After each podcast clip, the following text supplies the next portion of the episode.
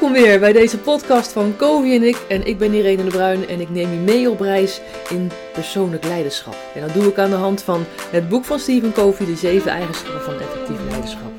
En in deze podcast gaan we wat dieper in op de vijfde eigenschap. En dat is eerst begrijpen en dan begrepen worden. En dat is onderdeel van dus het stukje van overwinningen met je omgeving, waar ook eigenschap 4 van de vorige keren onder valt, denk win-win. En later gaan we ook creëer synergie als zesde eigenschap behandelen. Maar voor nu in ieder geval dus eerst begrijpen en dan begrepen worden. Want het is best pittig, want we denken altijd meteen in oplossingen als we met iemand in gesprek zitten. En ons hoofd die schiet heel snel in de aannames van, oh, dat zal die persoon wel bedoelen. Of dat voelt hij, of dat denkt hij. En meestal ben je dan je eigen leven en je eigen situaties en je eigen dingetjes aan het projecteren op die van een ander. Je denkt al heel snel van, oh, zoiets heb ik ook gemaakt. Ik handelde toen zo. Dus dat zal ook wel een heel goed advies zijn, of juist niet, om het niet te doen, voor die ander. En daardoor ga je ook eigenlijk ongevraagd advies geven aan die persoon. Tijdens een gesprek gaan we echt in een enorme snelheidsmodus zitten. En waarin we, nou ja, wel luisteren, uh, maar meteen ook haakjes vinden van hoe het in ons eigen leven is gegaan op dat soort vlak. Misschien herken je het wel van oh, dat er iemand uh, nou ja, helemaal nou ja, pijn heeft van een relatiebreuk bijvoorbeeld. En jij denkt meteen aan je eigen relatiebreuk en hoe je daar bent uitgekomen. En dat plof gooi je meteen in het gesprek ten, to ten tonele, zou ik maar zeggen, om hulp te bieden. Maar hulp bieden en denken in oplossingen is nog niet altijd zo heel fijn voor de ander. Want heb jij wel daadwerkelijk geluisterd naar wat er aan de hand is? En wat wordt er dan eigenlijk vooral geraakt bij die ander? Wat zit er schuil achter de woorden die jij hoort? Want woorden geven interpretaties weer van wat de persoon denkt binnenin. En als je daarop dingen, als je daarop door gaat vragen, dan zal je zien dat bepaalde woorden of bepaalde containerbegrippen, zoals relatie of liefde of weet ik veel wat, dat die iets anders betekenen voor de ander dan dat het voor jou betekent. Dus heb je daadwerkelijk geluisterd naar wat er aan de hand is. En vraag je door en laat je ook genoeg stiltes bijvoorbeeld om de persoon te laten zeggen wat hij wil zeggen. We hebben eigenlijk vier basisvormen van communicatie. En die vier basisvormen zijn nou, uh, lezen, je kan zelf schrijven, of je spreekt, hè, net zoals ik nu in deze podcast, of je luistert. En die vier basisvormen gaan we eigenlijk wat dieper in, of nou niet wat dieper, we gaan dieper in op het stukje luisteren. Wat wij doen in ons dagelijks leven is vooral pragmatisch luisteren. Wat wordt er gezegd en dan kan ik meteen op handelen. Maar je kan pas iemand echt begrijpen als je jezelf verplaatst in de ander. En dat hebben we ook een beetje gehad bij die emotionele bankrekening van een eigenschap terug. Als je een storting wil doen, als je in een goed blaadje wil komen, als het even populair te zeggen bij de ander, dan is luisteren iets heel fijns wat je kan geven.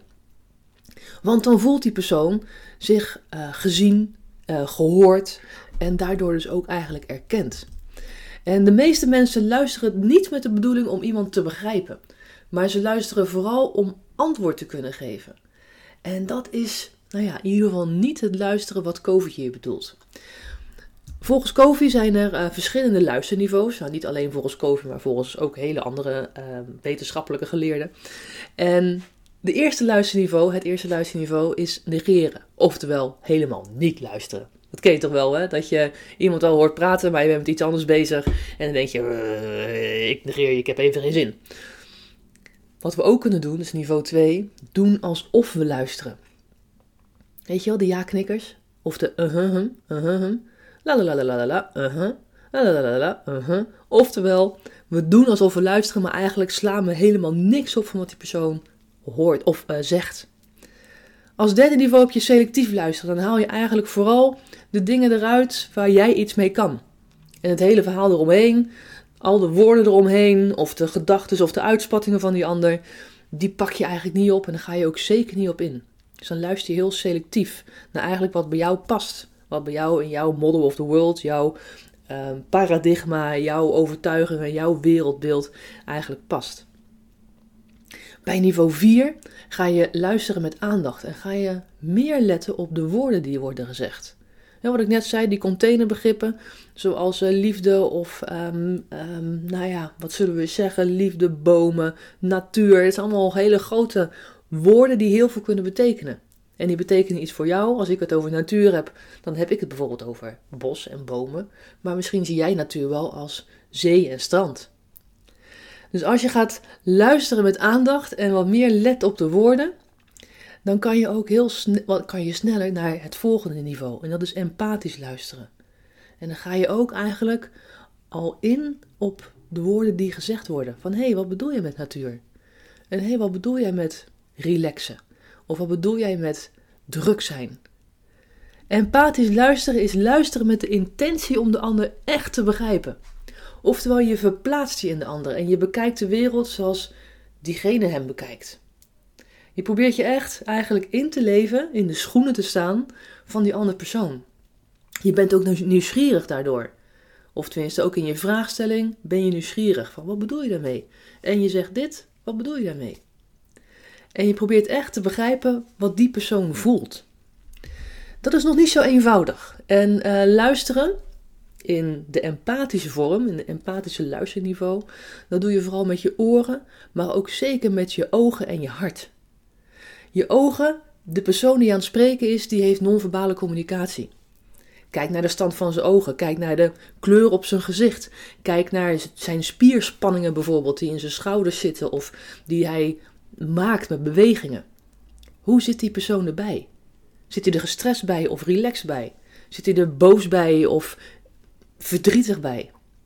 Luisteren met je ogen. En ook luisteren met je hart. Want vaak merken we wel iets bij onszelf. Zo'n onderbuikgevoel bij iemand. Maar daar handelen we niet op.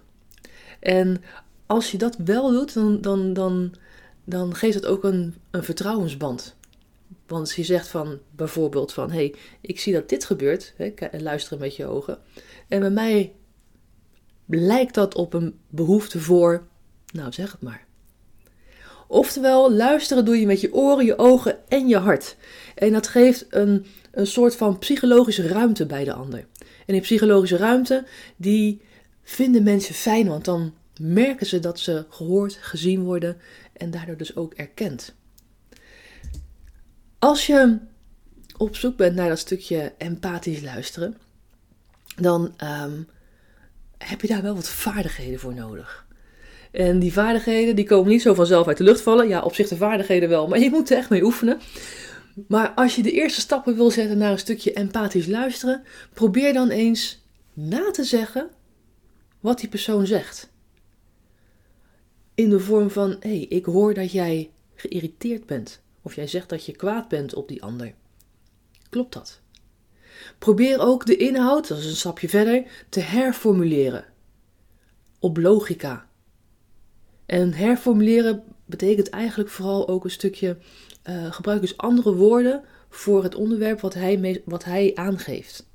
Dus hij zegt misschien, ah, ik ben hartstikke kwaad op diegene. Dan zeg je, oké, ik zie dat je geïrriteerd bent. Nee, ik ben heel erg boos.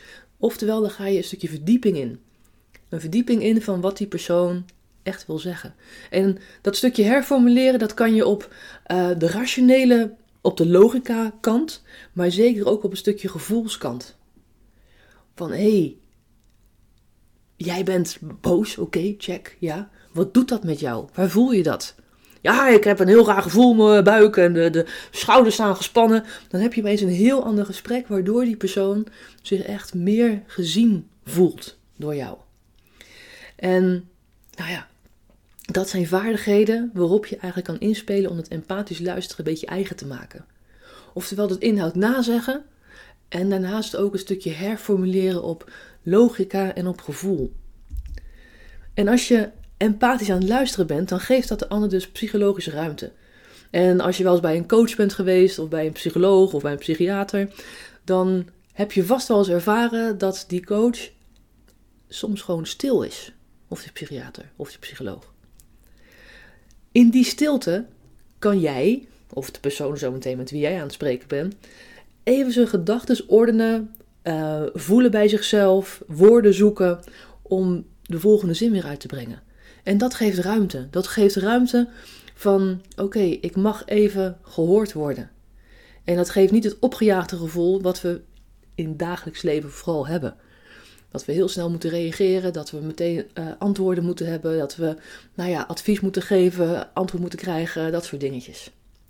Je helpt dus de ander zijn eigen gedachten en gevoelens te ordenen. Waardoor je dus ook weer een storting op die mooie emotionele bankrekening doet. Psychologische ruimte is heel erg moeilijk, want de mens, wij, houden niet echt van stiltes. Maar stiltes kunnen echt heel waardevol zijn. Probeer eens, zo in het dagelijks leven, um, wat vaker empathisch te luisteren. En soms heb je daar ook echt geen tijd voor. Dan heb je wandelgangengesprekken en dan moet je gewoon even snel dingen aftikken. Prima. Maar kijk eens naar ook de non-verbale signalen. En praat ook eens vanuit voor jezelf, zodat je misschien dat er empathisch geluisterd wordt naar jou. Wat meer vanuit behoefte. Wat heb jij nodig? Welke situaties kan jij bedenken waarin je denkt van, oh, nu zou ik toch wel heel erg graag gewoon een praatpaal willen hebben. Oftewel iemand die naar je luistert. En uh, kan je dat dan ook faciliteren voor jezelf? Kan je dat regelen? Kan je iemand aanspreken daarop? En kan je ook die behoefte echt daadwerkelijk vertellen aan die andere persoon van wat je voelt of wat je denkt of wat je vindt. Dus probeer het eens van beide kanten. Probeer empathisch te luisteren naar anderen en probeer eens voor jezelf wat dieper in te gaan op welke behoeften jij hebt die je wil uitspreken. Alright, dit was het eerste deel van de zesde eigenschap. Nee, sorry, de vijfde eigenschap. Eerst begrijpen en dan begrepen worden. Ik hoor je in de volgende podcast. Bye bye. Hoi.